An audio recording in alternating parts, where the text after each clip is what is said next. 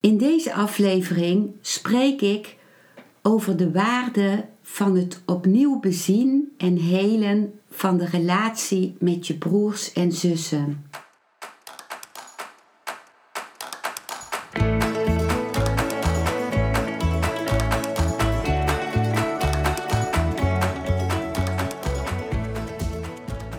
Welkom bij een nieuwe aflevering van Modita's podcast Van Pijn naar Zijn. De podcast waarin ik je meeneem voorbij de pijn in je leven naar wie je diep van binnen bent. Hoe kun je beter omgaan met je gevoelens? Hoe vind je rust in je hoofd? Wat zit er precies achter je pijn? En vooral, hoe kun je steeds meer jezelf zijn? Adem eens diep in en uit. Ik wens je veel luisterplezier.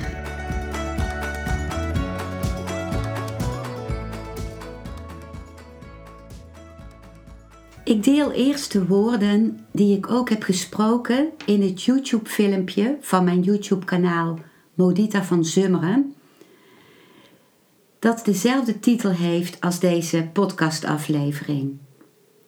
Dus hier komen eerst de woorden van mijn filmpje. De relatie met je broers en zussen is zo belangrijk om naar te kijken en om in te investeren. En dat zeg ik vanuit mijn eigen ervaring. Ik heb een hele goede band met mijn drie jongere zussen. En we zijn ook heel veel struikelblokken tegengekomen. Met name na ons veertigste jaar. Dat is zo'n beetje een leeftijd waarin heel veel issues tussen broers en zussen, die eigenlijk verbonden zijn met vroeger, heel vaak, naar boven komen. En ik ben heel blij dat wij alle vier geïnvesteerd hebben in het kijken naar die relatie, in het voelen van de pijn die dat ook kon brengen. En ook het uh, vieren van de vreugde die dat kon brengen. Als klein kind, met name, ben je als broers en zussen ook concurrenten van elkaar. In de aandacht die je wil ontvangen van je ouders. En dat verdwijnt een beetje als er een tijdsverschil van ongeveer drie jaar minimaal zit tussen twee kinderen. Maar als de kinderen korter op elkaar komen, bijvoorbeeld uh, er maar een jaar of anderhalf jaar tussen zit, dan speelt die concurrentie een grote rol. Want een kindje van anderhalf die kan nog niet uh, um, relativeren. Die kan nog niet denken van, oh ja, er gaat even meer aandacht naar mijn jongere broertje of zusje als die geboren wordt.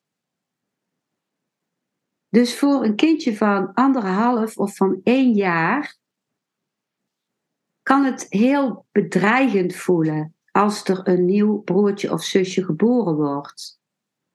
En dat is iets wat je vaak niet, uh, of wat je bijna nooit bewust kunt herinneren, omdat je toen nog geen bewust geheugen had. Maar het zit wel in je geheugen van je uh, lichaamsbewustzijn. En ik ben de oudste, dus toen mijn, en toen mijn tweede zusje geboren werd, toen vertelde mijn moeder dat ik zo jaloers was dat eh, op de aandacht die zij kreeg, dat ik de hele panties van mijn moeder kapot trok. Om maar aandacht te krijgen. Dus ik had ehm, meer dan een jaar. Had ik de volle aandacht gehad als oudste, als enig, enigst kind. En toen werd zij geboren en iedereen kwam op bezoek om naar de baby te kijken. En uh, mijn moeder hield nu de baby in de armen, mijn zusje. En uh, ik stond daarbij en ik werd dan soms gevraagd: uh, wil je even dit oprapen?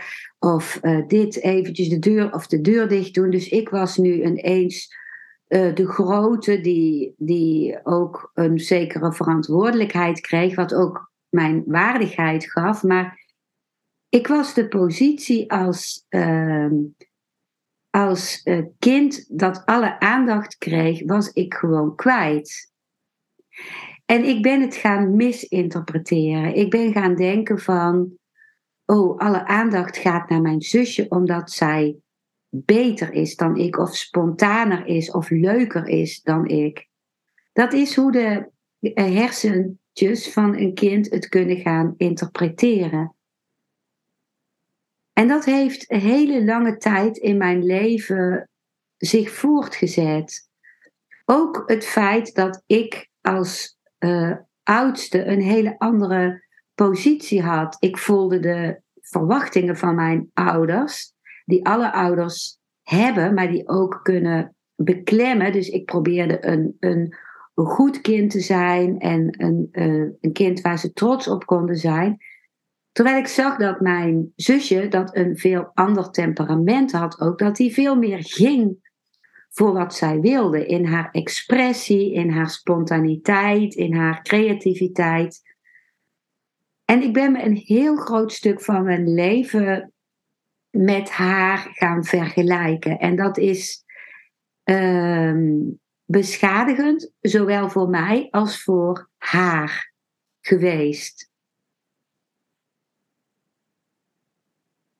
En het is belangrijk als ouder om dat ook uh, te zien. Dat het voor een kind, een oudste kind, een hele grote verandering is en omschakeling als er een kind bij komt. En dat geldt ook voor het tweede kind als er een derde kind bij komt. Omgekeerd is er ook vaak jaloezie van jongere kinderen naar het oudste kind. Bijna altijd als, uh, als ik een familieopstelling uh, voor iemand doe, en diegene is uh, met name de tweede, maar soms ook de derde, dan zegt iemand bijvoorbeeld: Ik ben de tweede, maar eigenlijk ben ik de oudste, want ik gedraag me als de oudste, of de oudste neemt de verantwoordelijkheid niet. Of het derde kind probeert de positie te hebben van de eerste. En dat geeft altijd blijvende verstoringen in het leven van beide uh, broers en zussen, zowel de oudste als van de tweede of derde. Want er is een rangorde wat we ook zien in de familieopstellingen. en wat, wat we zien in de familieopstellingen is dat wat proefondervindelijk ervaren wordt als natuurlijk. En dan is er een rangorde. De oudste, die moet in alles de spits afbijten. Die krijgt ook te maken met ouders die nog onervaren zijn als ouders. Die krijgen de grootste lading van de emotionele, onverwerkte dingen van de ouders te verwerken, omdat alles op het kind neerkomt. En daartegenover staat dat de oudste ook bepaalde uh, rechten heeft daardoor, die een jonger kind niet heeft. Dus het, het draagt meer van de ouders en van de voorouders en het heeft ook een, een verantwoordelijkheid naar de jongere broers en zussen. Niet dezelfde verantwoordelijkheid als de ouders, maar wel een zekere uh, uh, aandacht die nodig is van de oudste voor de jongere kinderen. Maar daar staat ook iets tegenover. Daar staat ook tegenover dat de oudste daardoor ook een bijzondere positie heeft. Maar in feite is elke positie van elke rangorde in het gezin bijzonder, heeft zijn bijzondere kwaliteiten. Dus dat is geen waardeoordeel dat de oudste meer waard zou zijn dan de jongere kinderen, want iedereen is evenveel waard. En toch is er en moet er een hiërarchie zijn. Dus als een tweede kind gaat zeggen: Ik ben eigenlijk de eerste, dan klopt daar iets niet. Dat gaat altijd wringen. De oudste die gaat dat voelen en die gaat, dat, die gaat zijn positie terug bevechten. Of die geeft het op en gaat uit contact, helemaal uit contact. En de tweede kan zijn leven niet voluit leven, omdat hij niet in de goede positie staat. Je kunt je leven pas voluit leven als je in de goede rangorde staat. Als je kunt zeggen, ik ben de tweede en hij of zij is de eerste. Dat heeft puur te maken met het tijdstip, de volgorde waarmee je op deze aarde kwam. En ook met het respect dat degene die ouder is dan jij al meer heeft doorleefd als jij. En heel vaak zie ik dat dat respect er niet is. Dan wordt er gezegd van, kijk maar, ik heb veel meer meegemaakt als tweede, dus ik heb veel meer doorleefd. En het is altijd iets als je vanuit die houding leeft, dat, dat er blijvend iets blijft wringen. En ook blijft wringen met de, met de kinderen die weer na jou komen. Dus het is belangrijk dat iedereen in het gezin de juiste positie heeft en de juiste, het juiste getal heeft van herkomst in de rij.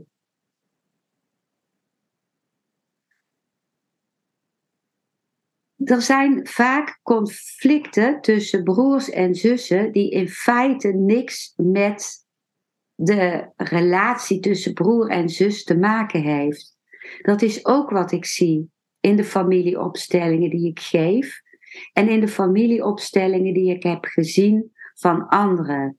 In mijn opleiding heb ik ook heel veel opstellingen gezien die mijn opleider of opleiders hebben gegeven. Ik heb ook enorm veel dvd's eh, gezien. Dus ik heb uh, een heel groot spectrum gezien. Dus ik put uit, in feite uit de ervaring van alle familieopstellers van de wereld. En ik zal het nu even hebben over wat ik heb gezien, is dat um, er kan een conflict spelen tussen een broer en een zus. En wanneer je in een familieopstelling gaat kijken, dan blijkt dat er een conflict is tussen de ouders. Heel vaak is dat het geval. Dat als er een conflict is tussen broers en zussen, dat in feite het echte conflict bij de ouders uh, zit. En dan kiest een van de broers of zussen de positie of de, die, de kant van de vader en de ander kiest de kant van de moeder. Omdat er ook iets in het systeem voelt dat beide steun nodig hebben. Terwijl dat al niet klopt, want het is niet aan de kinderen om de ouders te steunen. Dan zitten ze al in de verkeerde rol. Dan zitten ze in de rol van ouder van de ouder. En dan stroomt je leven niet.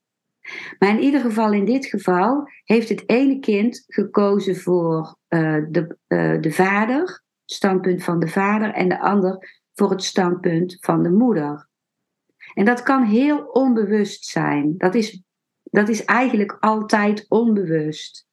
Maar dat ga je in een opstelling zien. Dan zie je bijvoorbeeld dat de ene achter de vader gaat staan, in de ene representant van het kind van, van één kind achter de vader gaat staan en iemand die het andere kind representeert gaat achter de moeder staan. En dan hebben in feite die broer en zus, of die twee zussen of die twee broers, een conflict, wat in feite het conflict is van hun ouders. En dan is het heel belangrijk dat de kinderen terug gaan staan en zeggen tegen de ouders: Ik heb met jullie relatie niets te maken. Dat ze dat zeggen in de familieopstelling. En in het echt zeggen ze dat van binnen tegen de ouders. En niet alleen zeggen, maar ook doen. Dat is vaak heel moeilijk om dat zorgen voor de ouder los te laten. En om te vertrouwen op de kracht van de ouders dat zij zelf die confrontatie met elkaar aan zullen gaan en het conflict aan zullen gaan. En in een familieopstelling zie ik dan ook dat als de kinderen er, er, er tussenuit gaan, dat dan pas de ouders elkaar aan kunnen kijken. Dus dat de kinderen ook dan verhinderd hebben dat de ouders eh, met elkaar dealen. En het conflict tussen de broers en zussen kan zelfs groter worden dan, uh, uh, dan het conflict lijkt tussen de ouders. Dus dan gaan de ouders daar hun volledige aandacht aan geven en blijven ze weg bij het oplossen van wat er tussen hen speelt.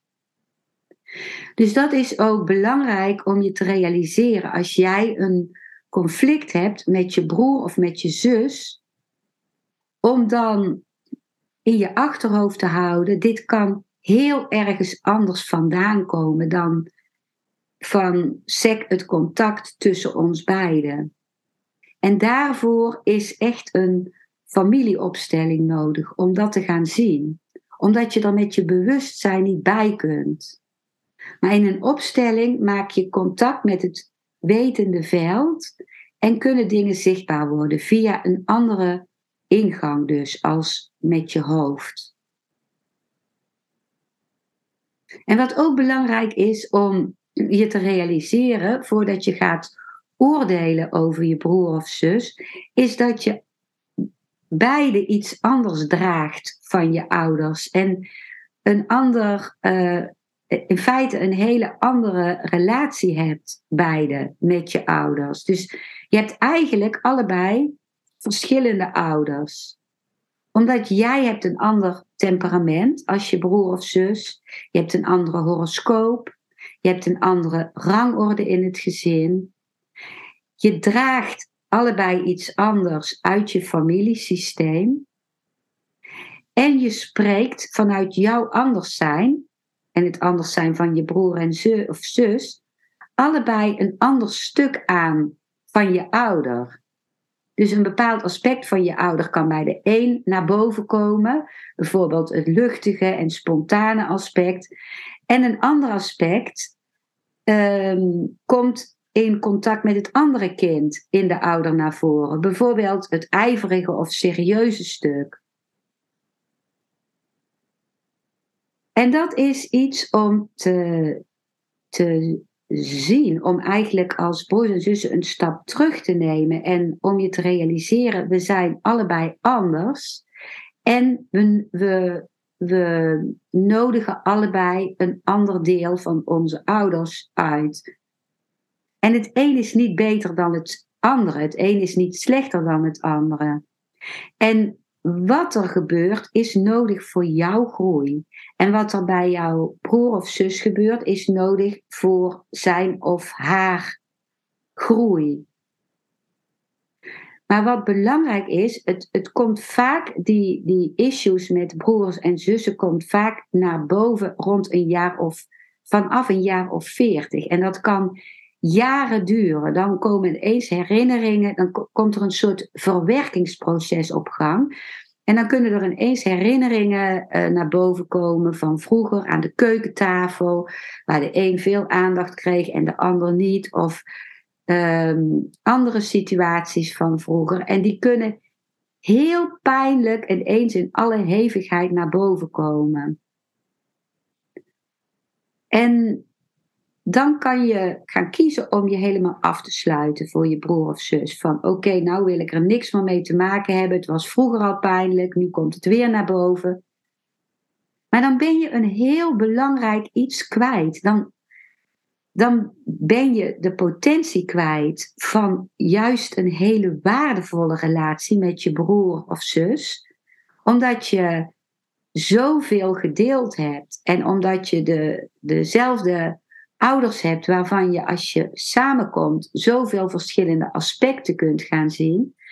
Je raakt ook een stuk kwijt van het werken aan jouw eigen groei, aan het ontvangen van wat zich aandient. Ook als het heel pijnlijk is, of ook als het je helemaal beklemt, of dat het je vastzet, of wat dan ook, om er iets mee te doen. Want dat het zich aandient wil zeggen dat het in jou zit ook. Het wordt getriggerd door de ander, maar in feite zit de respons die je hebt in jou. En het zorgt juist als je je broer of zus wegduwt, dat je er aan gebonden blijft. Omdat het wegduwen moet je blijven doen. Dat is niet iets eenmaligs. En je kunt het al zien als ik wegduw, ik heb het ook al in een eerder filmpje gezegd, dan is die ander met die wegduwhand verbonden. Dus dan ben je gebonden, maar niet verbonden, want je hebt je niet opengesteld. En er is heel veel moed voor nodig, moed en kracht om de dialoog aan te gaan met je broer of zus. En als dat niet kan of nog niet kan, om bijvoorbeeld een therapiesessie te geven of een, met name een familieopstelling, om te gaan kijken naar wat gebeurt hier. Zonder dat je de hele lading naar je broer of zus eruit gaat gooien, waardoor die muur tussen jullie alleen nog maar verder optrekt. En wat je heel vaak tegenkomt, is dat je begrepen wil worden door je broer of zus. En dan is het belangrijk om te kijken, natuurlijk iedereen wil begrepen worden door elkaar, maar het is belangrijk om te kijken, wat verwacht jij in het begrepen willen worden van je broer of zus, wat je in feite van je ouders had willen ontvangen. En je broer of je zus is niet je ouder. Dat is heel belangrijk om je te realiseren. Jullie zijn alleen maar de kinderen van je ouders. Zij zijn de ouders en jullie zijn de kinderen. En de feitelijke steun en support die je nodig hebt, is van je ouders. Dus als je voelt dat je heel erg begrip mist, begrip en gezien worden, willen worden, dan is het belangrijk om je om achterom te kijken naar je ouders, ook als zij niet meer leven. En te voelen wat de pijn is die je voelt, doordat je dat begrip gemist hebt. En dat te doorvoelen, te verwerken en ook te begrijpen uiteindelijk vanuit hun perspectief. Uh, begrijpen wat zij wel en niet konden geven. En ook daar kan een familieopstelling weer bij helpen. Ik weet niet meer precies de woorden van Jezus, maar ik herinner me uh, of dat het uh, van Jezus was of dat het uit het Oude Testament was. Zo goed ben ik daar niet in thuis. Maar wat ik me wel herinner was dat uh, iemand zei uit de Bijbel van als je naar het altaar komt van God en je hebt nog een, een conflict met je broer uh, of zus, ga terug om eerst dat conflict op te lossen. Dus dat geeft eigenlijk aan dat het, het, het openen naar het geheel, dat dat niet mogelijk is als je iemand die zo dicht bij je is, qua, ook qua bloedverbinding en qua er mee opgegroeid zijn, wegduwt. Dan sluit je een stuk in jezelf en dat sluiten maakt ook dat je je automatisch sluit voor veel meer om je heen. En de uitdaging op latere leeftijd in het contact met je broer en zus is om nu vanuit een volwassen houding met elkaar om te gaan. En die volwassen houding, dat is om ehm, te erkennen dat je allebei een eigen individualiteit hebt, een eigen leven, een eigen, eigen dingen die je graag doet, die je fijn vindt het erkennen dat die ander anders is en ook het recht heeft op de eigen dingen, op de eigen mening, op de eigen manier van leven. En om dan vanuit dat verschillend zijn en verschillend mogen zijn, met elkaar om te gaan. En dan hoeft het niet zo te zijn dat je het overal mee eens bent met elkaar. Ik ken bijvoorbeeld mensen die een, een bepaalde uh, spirituele weg gaan en die dan zeggen: Ik kan niet meer met mijn broer of zus omgaan omdat die die spirituele weg niet opgaat. En dan ontken je die weg die die broer of zus volgt. Je maakt jouw weg beter dan die van je broer of zus. En dan zeg je bijvoorbeeld, ja, maar die broer of zus wil dat helemaal niet begrijpen, dat stuk van mij. De grootste kans is dat jij zo oplegt dat die broer of zus uh, die manier die jij gekozen heeft goed vindt of de beste vindt of ook zou willen hebben, dat die broer of zus dat meteen al als een, een uh, claim voelt en zich helemaal af gaat sluiten. En dat die broer of zus dat ook als een veroordeling voelt van zijn of haar manier van leven. En een spirituele instelling is juist om, om de ander te laten zijn zoals die is. Of die zich nou wil openen voor jouw spirituele weg of niet. En het kan zijn dat je dan voelt: oh, dit is pijnlijk, want ik zou dat zo graag met hem of haar willen delen. Maar ben er alert op dat er geen uh, missionarishouding achter zit. Dat je die ander als het ware wilt bekeren tot jouw spirituele weg. En ik heb zelf heel erg een missionaris in me gehad. Dus ik, uh, ik weet hoe dat voelt. En ik ken ook de reactie van mijn zussen daarop. En ik begrijp die reactie nu ook. Het is een vorm van disrespect als je op die manier een, de ander uh, tegemoet treedt. Dit waren de woorden van mijn YouTube-filmpje. En net als kinderen, een, uh, twee kinderen van een gezin, beide een ander deel van de ouders kunnen representeren. Dus dat een conflict tussen de kinderen uh, vaak betekent dat er een conflict is tussen de ouders, waarbij de kinderen ieder een deel van de ouders uh, dragen. Kan het ook zijn dat kinderen uit eenzelfde gezin uh, beide iemand anders representeren uit het familiesysteem. Dus dat de een verbonden is met het gedrag van een oom, die niet echt gezien of erkend is, en de ander bijvoorbeeld met het gedrag van oma, die niet gezien of erkend is. Dus hoe je broer of zus op jou reageert, en jij op je broer of zus, hoeft niks te maken te hebben met jou of met je broer of zus. Dus dat is goed om je te realiseren dat je soms aan het vechten bent met je broer of zus, terwijl je onbewust beide iets draagt van heel iemand anders. En daar kun je niet met je bewustzijn bij komen maar wel door middel van een familieopstelling.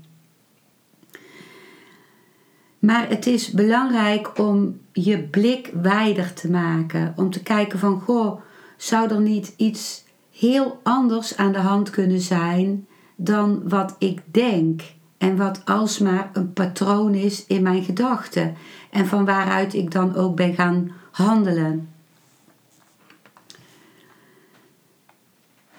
Ik geef een voorbeeld van uh, een sessie die ik heb gedaan als familieopsteller met iemand, waarbij ik de, de feiten uh, iets anders maak, zodat het niet te herleiden is naar die persoon. En dat was een cliënte die zich niet gezien voelde binnen haar familiesysteem. Met name niet door haar broers en zussen. En uh, we gingen de familieopstelling doen en aan de hand van wat zich aandiende in de opstelling kwam er ook uh, een gebeurtenis bij de cliënten naar boven. Uh, die zich aandiende in relatie tot dit thema van zich niet gezien voelen door de broers en zussen.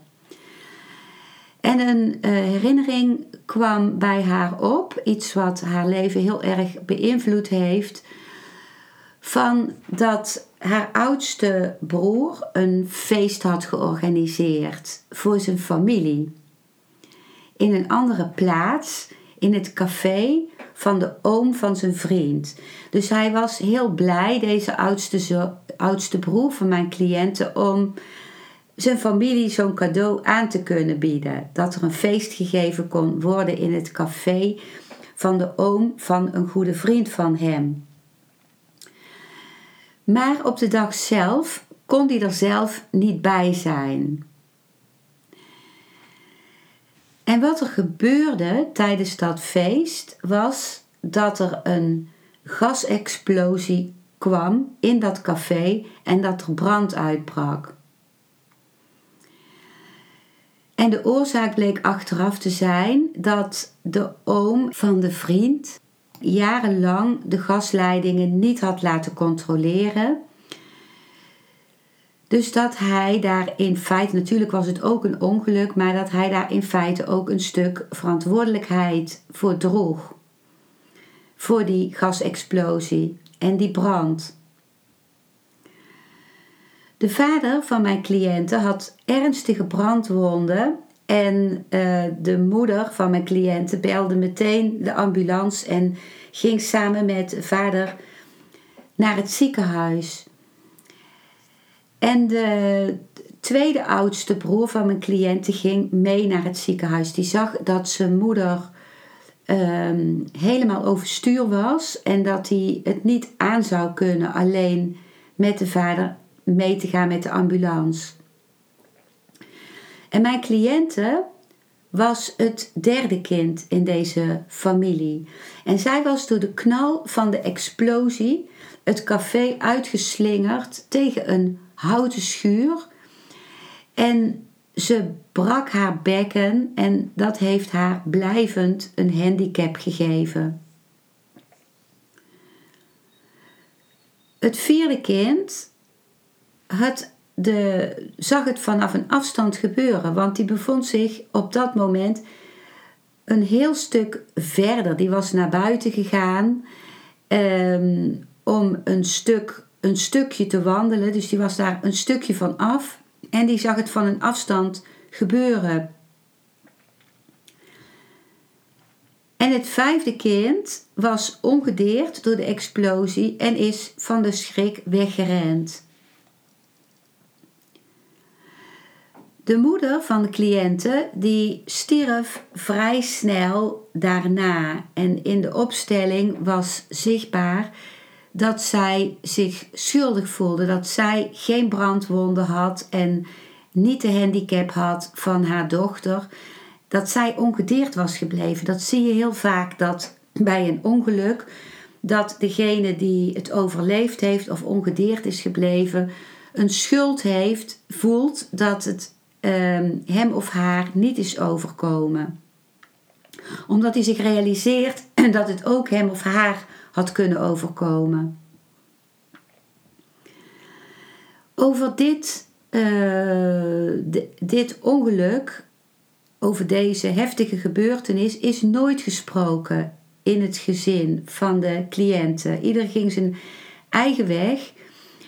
En waar de cliënte vooral onder leed, was dat er oudste broer, die dus niet bij dat uh, feest was geweest in dat café, dat hij woedend was op haar, dat hij haar heel slecht behandelde en uh, met heel veel uh, schelden en heel veel vernederingen en hatelijke opmerkingen. En uh, hoe verder de opstelling ging en hoe meer uh, we gingen zien wat deze broer droeg, hoe meer duidelijk werd dat hij zich schuldig voelde aan het hele gebeuren. Dat hij, dat, dat hij degene was geweest die dat feest georganiseerd had in dat café. En dat hij zich verantwoordelijk voelde voor de brandwonden van zijn vader, voor de dood van zijn moeder en voor de handicap van zijn zusje. En vanuit die schuld uh, kreeg hij de neiging om in plaats van het op zichzelf zo sterk te blijven richten om het naar buiten te richten.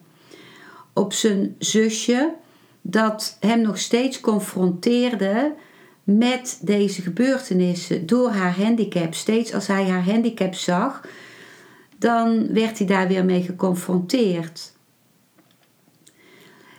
En in de opstelling ging hij zien, of degene die, die hem representeerde, ging zien dat de oom van zijn vriend verantwoordelijk was voor het niet gecontroleerd hebben van de gasleidingen, waardoor de explosie kon ontstaan. En toen hij zag dat hij onschuldig was, viel die spanning van zijn schouders af. En kon hij zijn zusje, mijn cliënte, echt gaan zien. En ging, zei hij vanuit zichzelf dat het hem speet. Dat hij zo hatelijk was geweest en haar het leven zo moeilijk had gemaakt. En mijn cliënte, die kwam door dat haar broer zijn excuses aanbood en uh, haar nu zag dichter bij haar oudste broer. En wat je ook zag in de opstelling was het, het tweede uh, kind van, deze, van dit gezin, dus de, de tweede oudste broer van mijn cliënten, dat mee was gegaan naar het ziekenhuis, dat hij zich heel schuldig voelde. Dat hij zijn zusje niet had gezien, dat hij er niet aan had gedacht: waar is mijn zus? En uh, hij voelde zich heel schuldig dat ze daar zo alleen had gelegen bij die schuur met haar pijn en uh, dat ze daar zomaar dood had kunnen gaan als, als een, iemand haar niet had gezien en ook voor haar de ambulance had gebeld. En vanuit dat schuldgevoel heeft hij ook geen contact meer willen hebben met de cliënten, omdat hij dan uh, steeds geconfronteerd werd door het zien van haar handicap uh, wat hij had nagelaten. Hij dacht, als ik maar anders had gehandeld, dan was zij niet gehandicapt geraakt.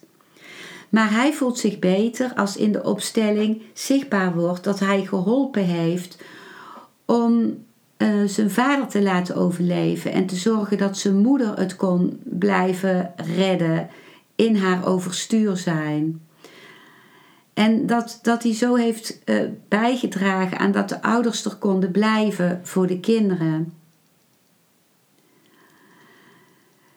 Het kind dat uh, buiten was en er niet bij was, voelt zich ook schuldig dat, dat, dat het er niet was voor de cliënten en voor de mensen die uh, wel de explosie hebben meegemaakt. En, de cliënt, en de, het kind dat weggerend is, voelt zich ook schuldig naar de cliënten. En wordt ook geconfronteerd via de handicap met de eigen onmacht en hulpeloosheid en ook met het eigen schuldgevoel. Dus de cliënte eh, die kwam voor de familieopstelling, die gaat het vanuit een heel ander perspectief zien. Het zo weinig reageren van haar um, broers en zussen op haar. En dat kan een opening geven naar een nieuwe beweging naar de broers en zussen. En ook kan het helpen in een familieopstelling dat de, de meest gewenste uh, opstelling gemaakt wordt van de ouders naast elkaar en dan voor de ouders de kinderen in volgorde van geboorte. Dus de oudste, de tweede, de derde, de vierde en de vijfde. En dat uh, de cliënten dan ook kan zeggen tegen de oudste: Jij bent de eerste. En dan tegen de tweede: Jij bent de tweede. Ik ben de derde. Jij bent de vierde. En jij bent het vijfde kind.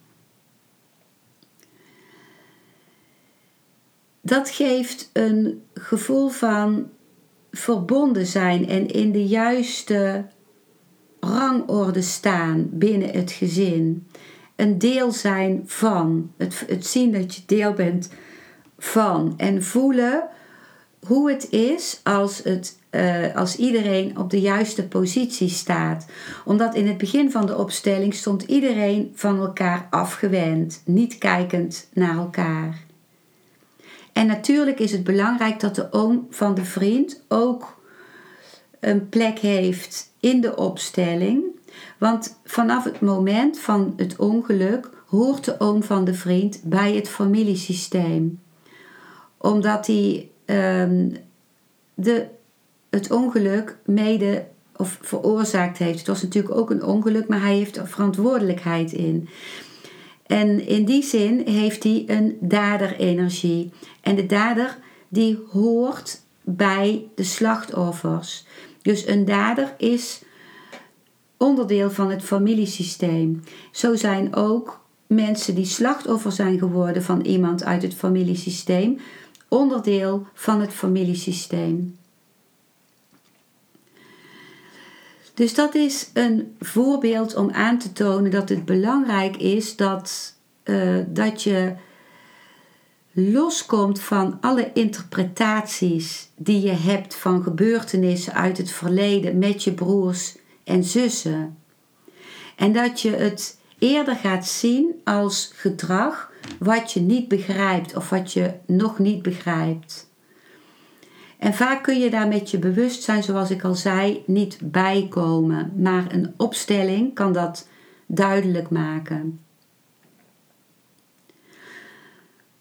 Mocht je meer informatie willen over de familieopstellingen die ik geef, dan kun je dat vinden op mijn website www.genietenvanmeditatie.nl.